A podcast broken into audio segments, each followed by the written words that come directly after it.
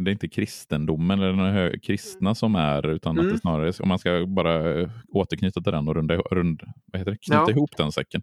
Knyta ihop tomtesäcken. Ja, precis.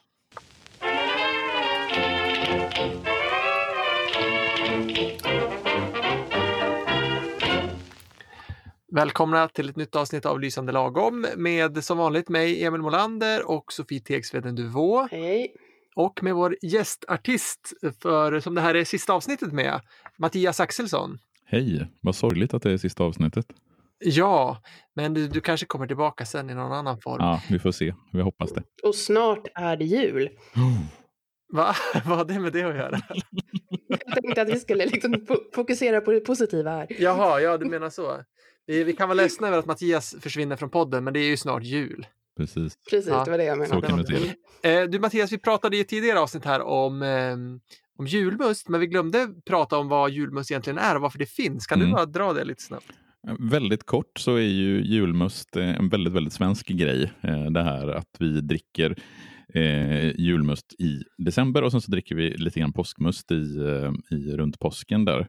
Och från början så var ju det ett alkoholfritt alternativ till julöl helt enkelt. Det var inom nykterhetsrörelsen som man började försöka ta fram alternativ i början på 1900-talet till julölen och då lanserades julmusten.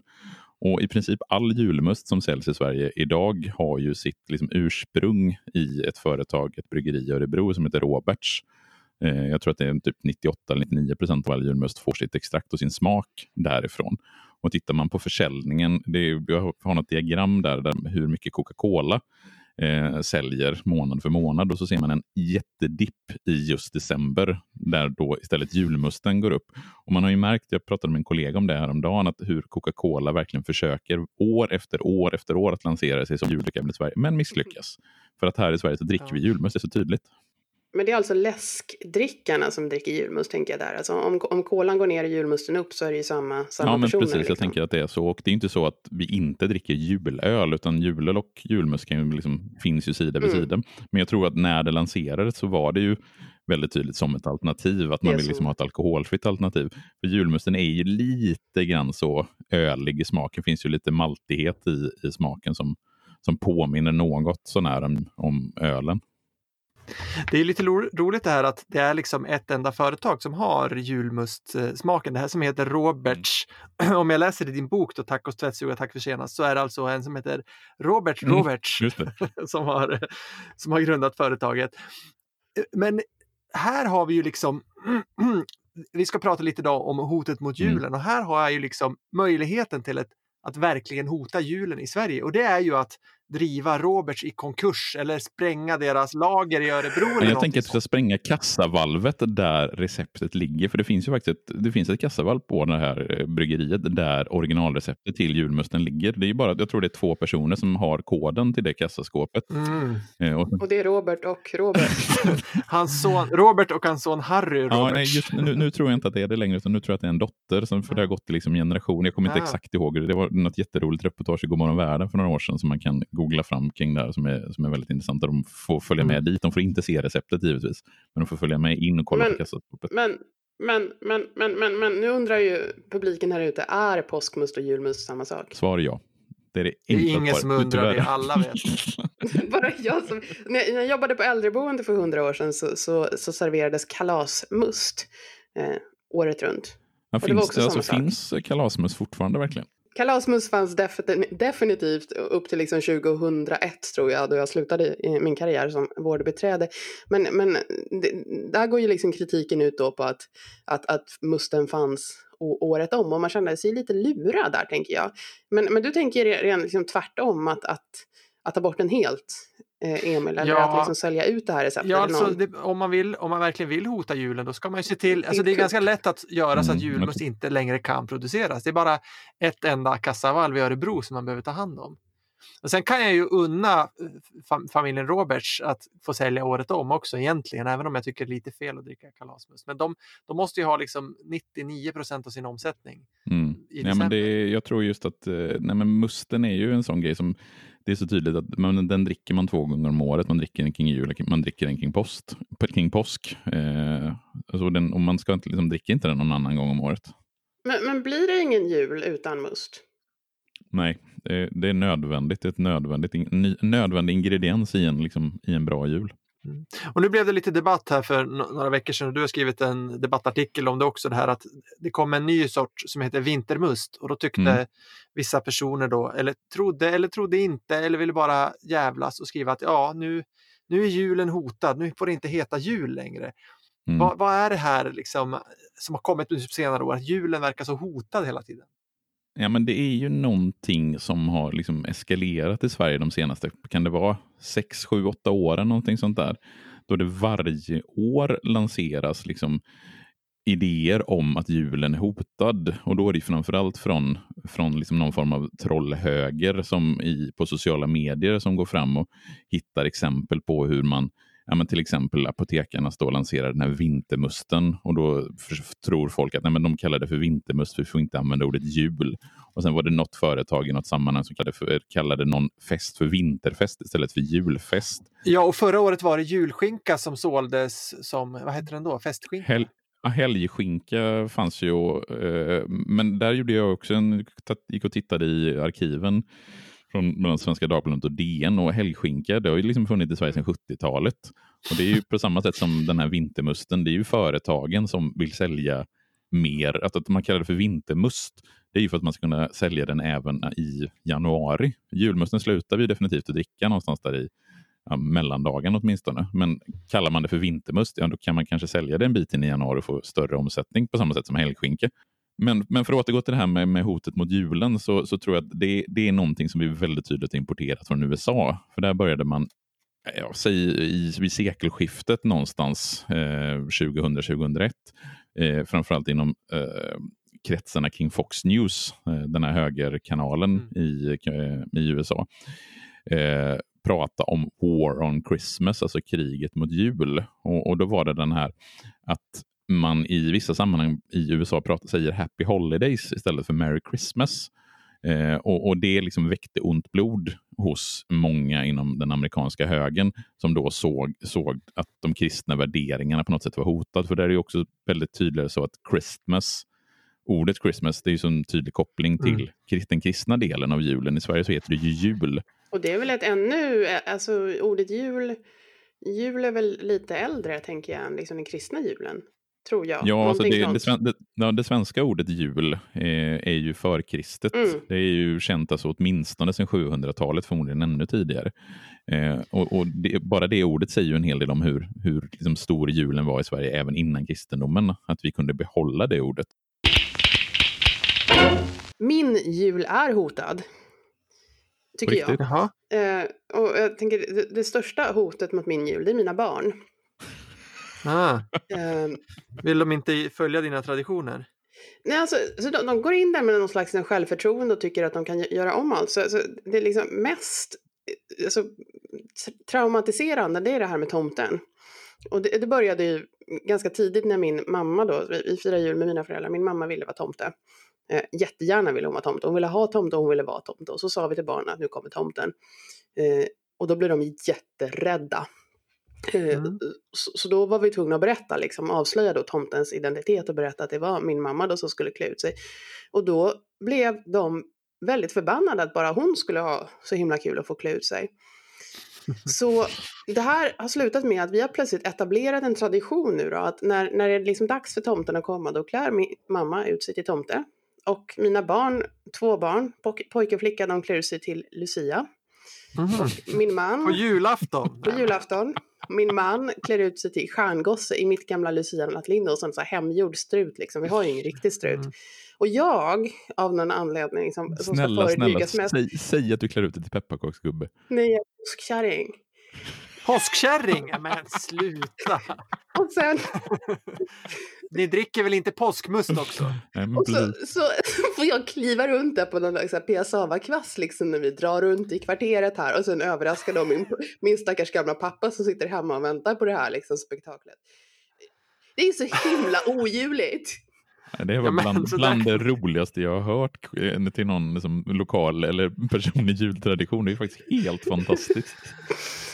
Så, ja, och så, så, finns det ju förstås en massa andra grejer som de vägrar gå med på. Liksom, Kalle Anka är liksom helt ute och sådär. Så det är liksom blivit liksom disruption här i hela liksom mitt julfirande som alltid sett identiskt ut tills liksom dagen då mina barn var två år och liksom kunde börja eh, Men, tycka men och jag tänka. vill bara, bara stoppa här lite, för jag tänker när du säger att mitt julfirande, eller ditt julfirande har sett helt identiskt ut tills dina barn. Vad, vad är det du menar? Hur länge har det sett identiskt ut? Är det liksom från det att du var ett år och hela vägen framåt? Eller? Ja, i, i princip faktiskt ja. Ja, för jag, jag brukar ju ha en, driva någon tes när jag debatterar det här, att, att man har en idealbild av hur en jul ska firas. Att man har en Mm. idé om att ja, men så som det var när jag var kanske ja, men 10-11 års åldern. Det är liksom det den som är perfekta, liksom- den ultimata julen. Så som julkalendern var på tv då, det var liksom Ja. den bästa. Det är klart att jag tycker att Sunes jul är den bästa julkalendern. för Ja, den var liksom, ja. ja, vi är De ungefär har lika tagit bort den från öppet arkiv nu. Jag är Nej, har de det? irriterad över det. Vad Ja. dåligt. Jag kollade ju på Sunes jul igen eh, med mina barn för några år sedan och den är Jag med, fruktansvärt rolig fortfarande. Till och med mina barn tyckte att den var kul. Det var lite som det här sommarlovet, liksom, att, att man hade de här fantastiska sommarloven när man var barn. Och liksom, det drömmer jag mig tillbaka i alla fall väldigt mycket till. Ja, men det är Mm, det blir aldrig lika bra igen. Nej, sommarlovet när man var liten, det var ju liksom 72 veckor långt. Och nu är det Mm, mycket och det- kortare, det är helt Om obegripligt. man badade varje dag och solen sken. Och det, liksom Ja, var det var och fantastiskt väder, det var helt perfekt. Men det är väl därför lite som det är så lätt ändå på något sätt att piska igång den här känslan av att, av att julen är hotad. Och, för, att, för att folk känner på något sätt att det finns en allmän förflackning i samhället och allt blir sämre, det blir inte bra, lika bra som det var förut. Så det är liksom lätt att um, dra med sig folk, eller? Alltså jag har faktiskt ett annat klagomål som jag tycker är lite mer, eh, som jag tror att fler kan identifiera sig med. Och det är det här liksom med internet och globalisering och, och, och liksom att man kan handla saker online. Alltså, när jag var liten och när jag var ung eh, så var det så här, liksom julen var, då kunde man liksom få någon sån här riktigt liksom speciell sak i julklapp. Antingen någonting man liksom gått och önskat sig länge, liksom jag vill ha en riktigt fin ryggsäck eller vad det var liksom. Eller liksom att, att någon kunde komma och... Jag tycker det här med presenter är jättekul, jag älskar att få presenter. Men, men, men att, då, liksom, att, att någon har hittat någon sån här särskild sak liksom, som man aldrig hade kommit att tänka på. Men nu, nu kan ju jag liksom köpa allt som finns online liksom. Mm. Alltså all, allt det där finns ju redan i min värld. Varför ska jag liksom få någon present? Det är mycket lättare att göra liksom en, trycka på en knapp på Amazon. Det tycker jag är lite, lite sorgligt. Ja, men alltså jag tycker inte att det där gör någonting. För jag tycker ju faktiskt att julklapparna är det sämsta med julen. Ja, Eh, Det, Mm. det tyckte jag inte när jag var barn, då, men nu är det ju det för att det är, ofta, det är ett måste. De flesta är ganska dåliga på att köpa julklappar. Så då kanske man, då, då, får- man får oftast någonting som inte är så himla fantastiskt bra. Det är mycket roligare innan man öppnar än när man väl har öppnat. så Som får du den där vuxen tröjan som du aldrig vill ha på Ja, dig. men så. så här, ja, och en tröja, ja. Det var en tröja. Det, alltså det behövs inte. Man kan ju skita i det. det då köper väl bättre en tröja själv. Det, det är ju inte, det är ingen magi längre. För barnen Men, kanske men, men jag tänker, liksom, för det är en sak som jag har reflekterat över, det är ju att det har blivit mycket, mycket vanligare under de senaste åren med det här med julklappsspel. Det vill säga att man köper, Mm. de vuxna köper inte julklappar till varandra, utan man kör det här julklappsspelet. Jag vet inte om alla är, Mm. som lyssnar är Hemliga bekanta, men- tomten. Ja, men, nej, men att Mm. man, har, man, har, man har köpt en, en klapp som är, liksom, det kan vara en, någon lite skojig grej, man kommer överens om, men det får kosta max 100 kronor eller max 50 kronor eller vad det nu är. Och sen så gör man det till en lek där man slår tärning och där kan reglerna vara lite olika. Men själva poängen där är att man köper inte en specifik gåva till var och en och så får man liksom 15 Mm. julklappar, utan man, man, man, det blir en lek där. Och jag tror att det är liksom som en reaktion på det här, att man är lite trött på julklapparna.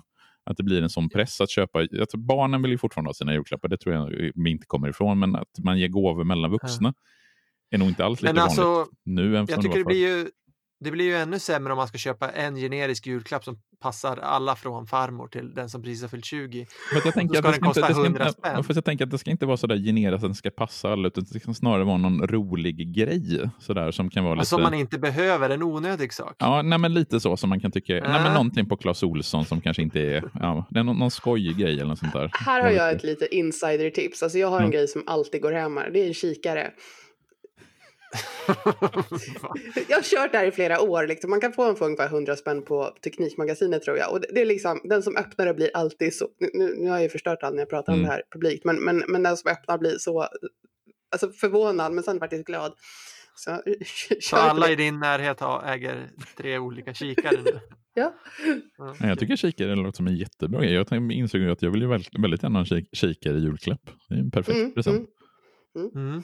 Mm. Alla som lyssnar som är i Mattias närhet. Precis. Jo, men det här med i USA då när det var War on Christmas, det var ju den här Tea Party-rörelsen var det väl, Ja. och de högerkristna i USA. Men i Sverige så har vi ju inte riktigt den där gruppen av extremreligiösa kristna som driver det här Precis. att vår jul är hotad. Så hur, varför har vi det i Sverige? Alltså jag tror att det, det passar liksom väldigt bra in i det här någonstans eh, ändå högerradikala narrativet om att den svenska kulturen är hotad. Eh, alltså det som har, någonstans är väldigt tydligt hänger ihop med SDs, alltså Sverigedemokraternas framgångar och, och, och liknande rörelser. Eh, och då är det tacksamt att använda sig av hotet mot julen som ett exempel på hur den svenska kulturen är hotad. Just för att den alltså, svenska julen är en så väldigt central del i vad vi tänker kring svensk kultur och svenska traditioner. Det går liksom att projicera så pass mycket på det. Att ja, men, Lucia-tågen är inte som det var när jag var barn. Det måste vara liksom invandrarnas och muslimernas fel som förbjuder det här.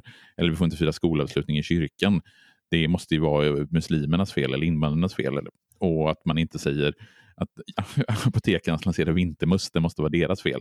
Eh, Så det passar väldigt bra ihop med den här berättelsen om hur den svenska kulturen hotas av mångkulturalism och invandring och globalisering och hela den biten. Så jag, det, jag tror det är därför som man, som man inom höger radikala kretsar pratar om hotet mot julen även i Sverige.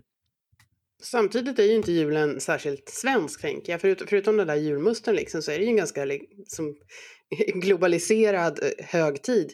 Men är det inte liksom att vad, som händer på julen är ju att alla svenskar ändå, och så kanske man inte tänker på dem i andra länder, liksom alla gör samma sak. Och det, det ger någon känsla av liksom nationell samhörighet eller man ska säga. Och så blir det ju, vad ska man säga, det blir svenskt i och med att, att, att ja, vi råkar äta skinka istället för kalkon och alla Ja, men jag tittar på jag tänker, att det, jag tänker att det är just den här kom, alltså ingen i grej av det som vi firar, alltså så som vi firar jul i Sverige, är ju i sig unik, kanske någon enstaka Mm. så.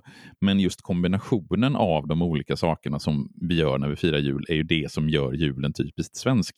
Liksom att vi dricker Mm. julmust, att vi kollar på Kalle Anka, att vi äter julskinka, eh, att vi tittar mycket på tv överhuvudtaget på jul. Eh, alltså den kombon eh, gör det till en svensk jul. Man kan liksom ta enskilda bitar och säga men ja, Kalle Anka kollar de på i Danmark och, eh, och så vidare. Men just kombinationen. Men, men en annan sak som jag tänker på det är också att, att det alltså, Sverige är ju ett förjävligt ställe att vara på så här i december. Alltså, kan det framförallt, ha ju, framförallt i november, det är ju det, då är det absolut värst. ja, men, men, men jag tänker liksom, om man jämför med sig, liksom ett, ett, ett mycket mer beboeligt land så kanske inte julen spelar så stor roll. Men här är det liksom det enda vi har att hålla i nu. Liksom det är sista liksom, träbiten i det här liksom, sj- sjunkande skeppet. Men att, att, att det har gjort också att julen har blivit väldigt viktig. Jo, men alltså någonstans, det, det är ju ett av mina favoritcitat liksom, citat från en bok som handlar om vintersolståndet. Eh, för titta, och det, det handlar om det här att tittar man på en karta, på en världskarta och följer breddgraderna, alltså västerut och österut ifrån Mm. var Sverige ligger. Så åker vi västerut då hamnar vi i liksom Kanadas tundra. Och eh, ham, liksom, åker vi österut det liksom Sibirien, liksom mest obeboeliga områden i hela världen. Där det liksom, och på grund av Golfströmmen så kan vi ha jordbrukande befolkning väldigt långt norrut i Skandinavien, men det blir samtidigt förbannat mörkt under vinterhalvåret. Och, och de här månaderna, eller veckorna fram till det börjar vända någonstans där i vintersolståndet 22 december, de är ju, det är så fruktansvärt mörkt i Sverige just nu. Det är ju hemskt. Eh, många som jobbar kontorstider, de ser ju inte ens dagsljus. Vilket gör, att det är klart att vi firar, alltså, vi har ju ljushögtider och firar det här liksom till max i december. Vi har advent, vi har lucia, vi har julfirandet. Och vi, vi maxar ju verkligen det för att, vi, ja, men lite som du säger, vi måste ju någonstans hålla oss vid liv i december. Det är ju en vidrig månad annars. Så det är liksom egentligen Golfströmmen här som, på något sätt är allierad med julen. Eh, Ja, hade det inte varit för Golfströmmen så hade vi inte kunnat bo så långt Bo här norrut överhuvudtaget, överhuvudtaget. Eh, för det är ju egentligen helt absurt att bo så här långt norrut när det är så mörkt. Det är, inte, det är precis som det är för fan inte beboeligt överhuvudtaget. Men det är därför det är så bra med det här begreppet mys.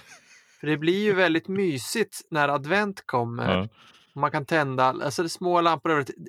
Fråga vem som helst som kommer från ett annat land och går runt här i, på, i, under adventstiden. Gud vad mysigt, om Mm. de, även om de inte har det ordet. Speciellt då här vi som bor på normala platser där det finns snö på vintern. Mm. Snö, då blir det inte så mörkt och så är det mysigt för att det är adventsljus överallt. Mm. Eh, och det, det är ju bra. Mm. Och det är väl därför som Lu- Lucia ändå liksom håller sig kvar som tradition, för att det är jäkligt mysigt. Ja, men det är just de här tända ljusen och, och, och precis som både Lucia, men framförallt, jag håller med med adventsljusstaken och adventsstjärnorna. Det, det blir ju någonting annat när man får tända dem första advent. Eh, och Mm. när det tänds på jobben och man ser liksom i, i hyreshusen kring där jag bor och där folk tänder adventsljusstakar, adventsstjärnor. Eh, många av dem tänder dem alldeles för tidigt, men jag behöver inte ha några Det synpunkter på är det. hotet mot julen här. Ja, det är det stora hotet mot julen. Om man nu ska prata om det faktiskt. Men du skriver i din bok här om Lucia och då står det så här att förr i tiden så eh, firade man det genom att äta ett stort antal frukostar på Mm. natten. Ja, jag alltså, fattar inte. grejen är ju det att, det? att det gamla Lucia-firandet, alltså det här som om vi går långt tillbaka i tiden, eller ja, ett par hundra år tillbaka i tiden i alla fall, då inföll ju Lucia vid vintersolståndet. Det var innan vi bytte till den gregorianska kalendern på 1700-talet. Och då var det verkligen årets mörkaste natt. Och man har alltid på något sätt firat de här brytningstiderna när det vänder mot antingen mot ljusare tider eller mot mörkare tider. Eh, och av någon anledning så firade man det här genom att äta väldigt, väldigt mycket eh, på morgonen. Och Det kan också hänga ihop tror jag med att man inom vissa traditioner började julfastan vid Lucia. På samma sätt då som man Mm. har fastlagen och fetisdagen innan påskfastan så har det här liksom frukoststandet på Lucia-morgonen hänger samman med att man liksom är åt upp sig eller liksom någonstans firade att nu ska vi börja fastan inför jul. Sista chansen liksom. Ja, men lite men samma sätt som man åt fetisdagsbullar och semlor innan, innan den kristna påskfastan under våren. Där. Wow. Så här, är- här, finns det alltså tillfälle. Men det undrar jag liksom, om jag tänker den här, alltså semlan finns det ju en massa variationer, men varför får vi inte liksom några variationer på den här lus, lussebullen är ju det mest liksom tragiska tycker jag överhuvudtaget med Att- sluta. Säg inte sådana hädelser, det är väl jättegott. Nej, det är faktiskt inte så jävla men- gott faktiskt. Jag håller med Sofia. Det är verkligen torrt och Ja. tråkigt. Och jag, jag åt den idag, liksom, jättekonstig så här självbestraffnings liksom, grej. Att jag gick aktivt och köpte den liksom, bara för att jag skulle känna den här lilla julkänslan. Men, men det, är, det är inte gott. Nej. Men, men varför gör man inga liksom, lusse-wraps eller Ja, men alltså, Nutella? ja, jag skulle inte alls bli förvånad om det kommer ganska snart. Att man försöker göra varianter på, även på lussebullen. Den är inte så helig att, den, eh, att man gör den, liksom, att den, den står sig stark. Utan jag tror mycket väl att man skulle kunna ja, göra att Pressbyrån kanske eh, redan i år eller nästa år lanserar någon ny variant av lussebullen på samma sätt som man har gjort med semlan. Jag skulle inte bli Jag förvånad i att- alla fall. Jag har en liten teori där att varför det ofta blir samhällsdebatt om, om Lucia. Det blir så här, "Åh, ska en kille kunna vara Lucia? Vad har det varit nu de senaste åren? Eh, och lite tidigare än så så var det, kan en mörkhyad vara Lucia? Och när jag gick i skolan var det, kan en brunhårig vara Lucia? Eh, Mm. sådär. Så det där är ju som, men jag, jag har en teori där och att vi engagerar oss i Lucia sådär för att vi är, alla som har växt upp i Sverige, lite traumatiserade av Lucia. För att det var, det var, det var inte så kul att gå i Lucia-tåg. Dels, det var tråkigt på olika sätt. Dels då så skulle det väljas en Lucia, traumatiserande för, för tjejerna. Då antar jag, så här, vem är snyggast, vem är mest populär? Sen för killarna så var det eh, inte roligt att vara utklädd. Ja, det var inte roligt att vara utklädd till stjärngosse. Man känner sig dum. Stå och hålla i en jäkla pinne med en strut på Ja, huvudet. man ser ju jätteful ut i eh, stjärngosse Ja, direkt. Alltså. Det måste ju medges. Vi är lite traumatiserade där och därför så måste vi nu på något sätt hata lite på Lucia. Men vi kan inte det helt för det är så jäkla mysigt. Och nu, alltså jag tror att det är nästan det jag gillar mest med hela julen. Det är ju Lucia-morgonen. Det är ju underbart. Men vad med Lucia-morgon är det du gillar? För jag har liksom väldigt kluvna känslor inför. Jag gillar Lucia i grund och botten, men det finns saker jag tycker väldigt illa om med Lucia. Ja, Jag vill men- bara höra, vad är det du tycker om med Lucia? Read my lips. Mhm. M-Y-Z. Det är mysigt. MYZ. Ja, just. Vadå, har ni sådär liksom att du blir väckt på sängen av fru och barn som har bakat ett stort antal frukostar till dig? Eller vad Nej, det skulle ju vara jättebra. Nej, men alltså ibland så, ibland så har vi lussat lite här hemma. Det är mysigt, det är roligt med barnen. De är gulliga när de har på sig Lucia-kläder. Pepp, en liten pepparkaks liksom, Mm. tvååring, tänk dig det. Ja, det. Eller så här, någon Lucia-krona på sned och någon som står och håller, tittar på något ljus.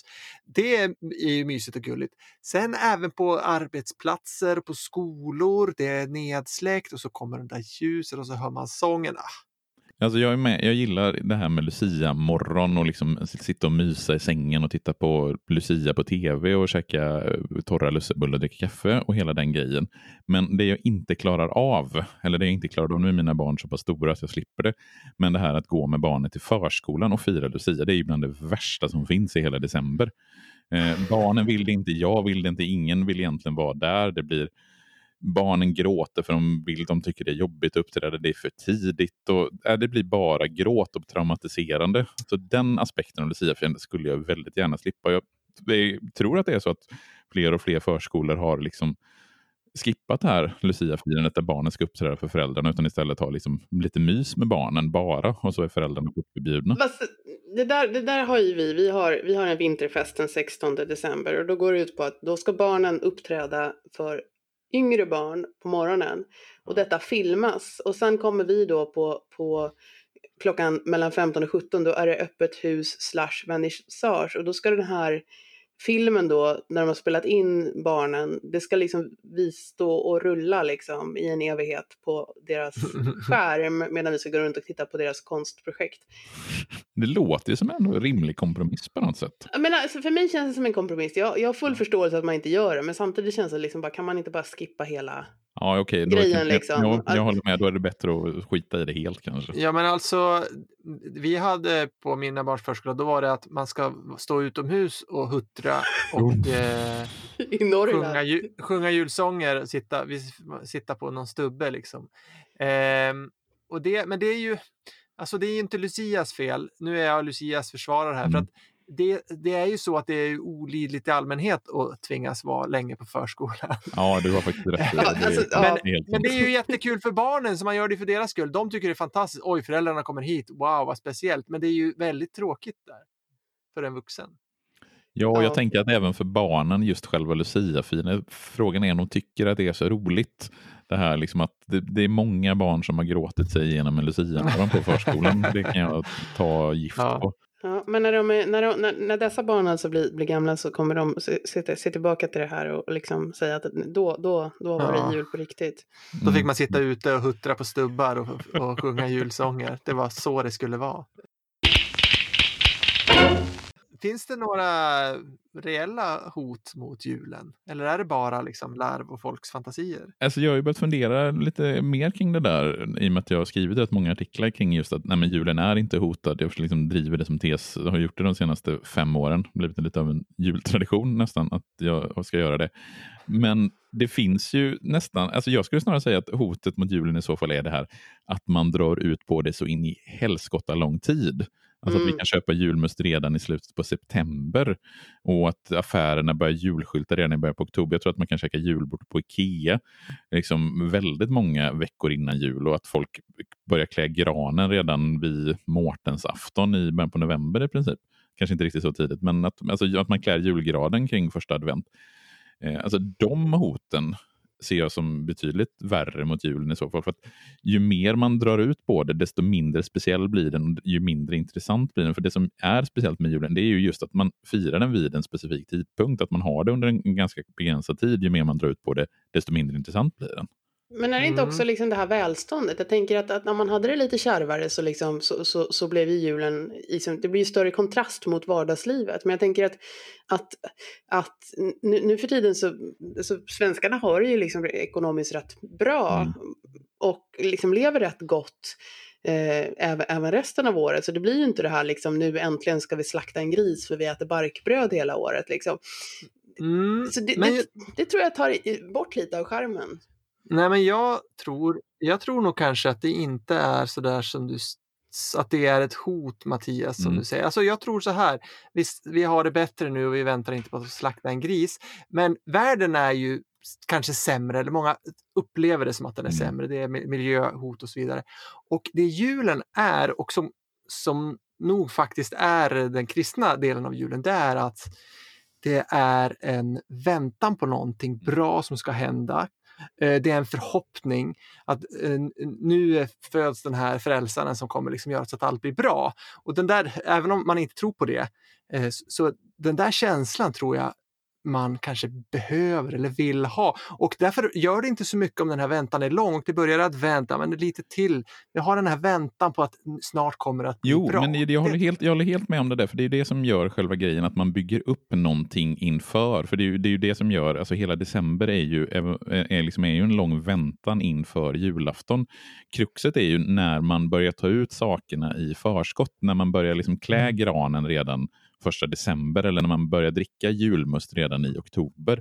Då, då väntar man ju inte in julen, utan då tar man ju ut de här godbitarna i förskott. Det är det jag tror är hotet i så fall. Nej, jag tror det där är en del av väntan och sen så bara kommer man till det här antiklimaxet när man får öppna paketet och så är det den där fula tröjan. Men, men alltså jag, nu, nu blir jag antikapitalist här känner jag. Men, men jag tror, jag, jag, jag, jag håller med om att det, liksom, det, blir, det blir för mycket. För jag, jag skulle köpa adventskalendrar till mina barn och jag vill ju ha en sån här som jag hade när jag var barn när man öppnar lucka och ser en liten rolig bild.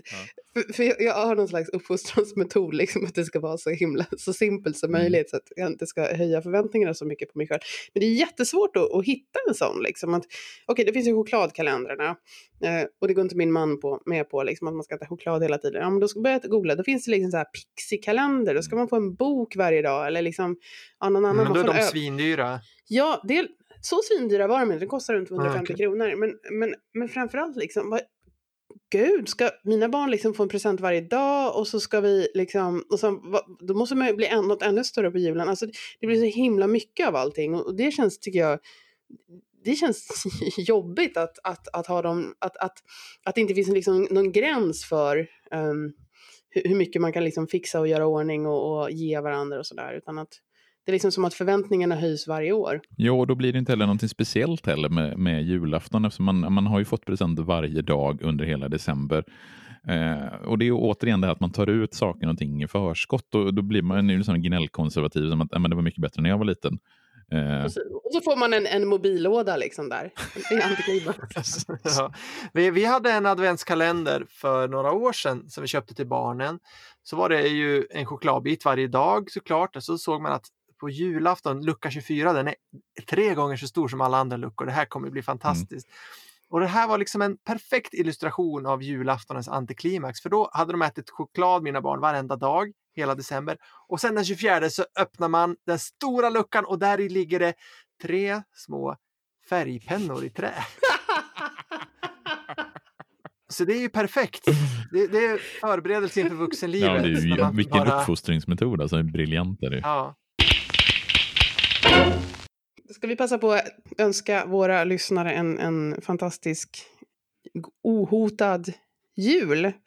Och också tacka ett stort tack till Mattias Axelsson som har varit här och delat med sig av sina expertkunskaper om så himla många saker. Expertkunskaper och killgissningar. Och killgissningar, inte att förglömma. Och vi rekommenderar såklart att man ska eh, köpa din bok här, Tacos tvättstuga och tack för senast, Svenska vanor A till Ö. Om man Årets vill, eh, julklapp. Precis. ja, absolut. Om man vill eh, lyssna mer på dig, du har lite olika poddar, eller hur? Ja, jag gillar ju att höra, eller låta andra höra min egen röst. Men det, det jag framförallt skulle vilja slå ett slag för i så fall, om man vill höra mer av mig, så är det en podd som jag gör ihop med Hamid Safar, som heter Kungar och krig, en podd om svensk historia. Där vi helt enkelt gör så att, eh, eller tanken är i alla fall att vi ska gå igenom den svenska regentlängden och prata om alla svenska regenter genom historien. Mm. Den är jättebra, jag har lyssnat på alla avsnitt. Den är jättebra, den blir bättre och bättre. Eh, jag ser fram emot när ni kommer till Erik den Lesbe och Halte. Det, det är faktiskt nästa, nä, nästa, nästa avsnitt som vi ska prata om Er- Erik den Lesbo och den halte, så att det är bara Ah, två veckor bra. kvar tills den kommer. Bra, bra, bra. Eh, ni har ju haft Emund Slemme redan. Det är ett bra kunganamn. Eh, så lyssna på den, den finns ju där poddar, och, poddar finns såklart. Yes. Kungar och krig heter den. hör gärna av er till oss på sociala medier. Man skriver ät lysande lagom på Twitter eller på Instagram och så finns vi på Facebook också. Där skriver man lysförlag. Man skriver lysande lagom där också. Gör man? Yes. Okej. Okay. Eh, och så får vi tacka för att ni har lyssnat. Tusen tack. God jul! God jul! God jul. Och nu ska det komma ett outro med lite så här äh, bjäll, bjällror tillsammans med våran så här ding, ding, ding, ding, ding, ding, ding, ding. Det fixar jag sen.